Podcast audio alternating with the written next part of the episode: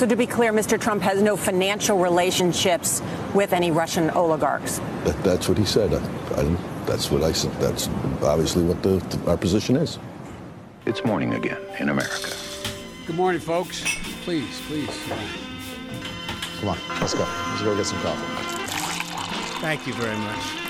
God morgen. Det er tirsdag 31. oktober, og morgenkaffen fra amerikanskpolitikk.no er servert. Paul Manafort, tidligere sjef for Donald Trumps uh, valgkampanje, på det tidspunktet der han sikret seg nominasjonen, har sammen med forretningspartner Rick Gates blitt siktet for sammensvergelse mot USA, hvitvasking av penger og mer til, da spesialetterforsker Robert Mueller i går offentliggjorde sitt mest offensive trekk hittil i etterforskningen av russisk innblanding i fjorårets presidentvalg.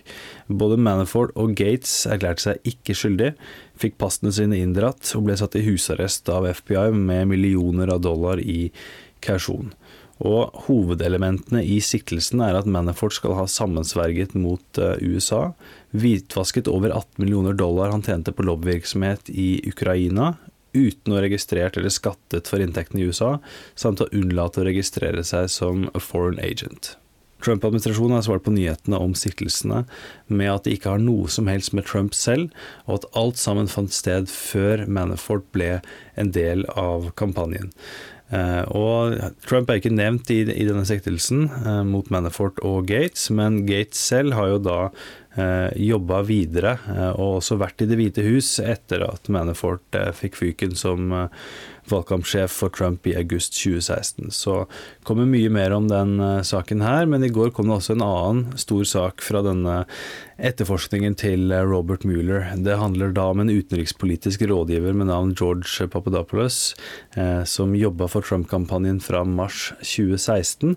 Eh, og han skal da ha tilstått og ha opprinnelig løyet overfor føderale etterforskere om kommunikasjon med en Kreml-lenket russisk professor som hadde lovet dritt mot Hillary Clinton og tusenvis av e-poster i fjorårets valgkamp. Og FBI intervjuet da Papadopoulos i januar 2017 eh, og fortalte da at han hadde minimalt med kontakt, og at all kontakt skjedde før han sluttet seg til kampanjen. Etterforskningen viser at dette ikke stemmer, eh, og det viser jo da i detalj hvordan eh, denne utenrikspolitiske rådgiveren har prøvd å få til et møte mellom Trump og Putin, og også at det da har vært i kontakt med flere andre internt i kampanjen. Disse navngis ikke i etterforskningen, så vi må bare gjette på hvem det er. Det er nok Manafort er nok en av disse.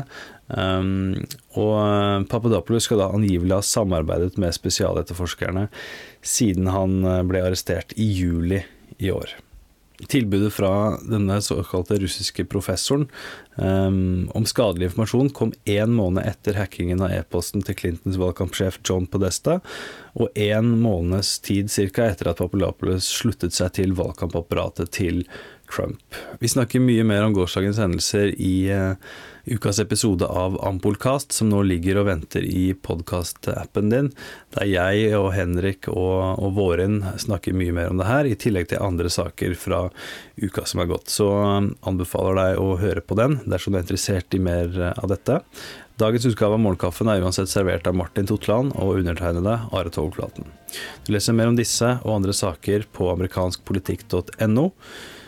Du finner Morgenkaffen i Spotify, iTunes og andre podkast-apper sammen med Ampolkast, som sagt, som nå ligger ute med episode 94. Helt til slutt her skal vi høre uttalelser i går fra Trumps stabssjef John Kelly, som eh, sikkert ikke får like mye oppmerksomhet som det ellers ville gjort pga. denne etterforskningen til Robert Mueller. Uansett, hør på det, og så snakkes vi i morgen. I would tell you that Robert E. Lee was an honorable man. Uh, he was a man that uh, gave up uh, gave up his country to fight for his state, which in 150 years ago was more important than country. It was always loyalty to state first back in those days. Uh, now it's different today, uh, but the, the, the lack of an ability to compromise uh, led to the Civil War.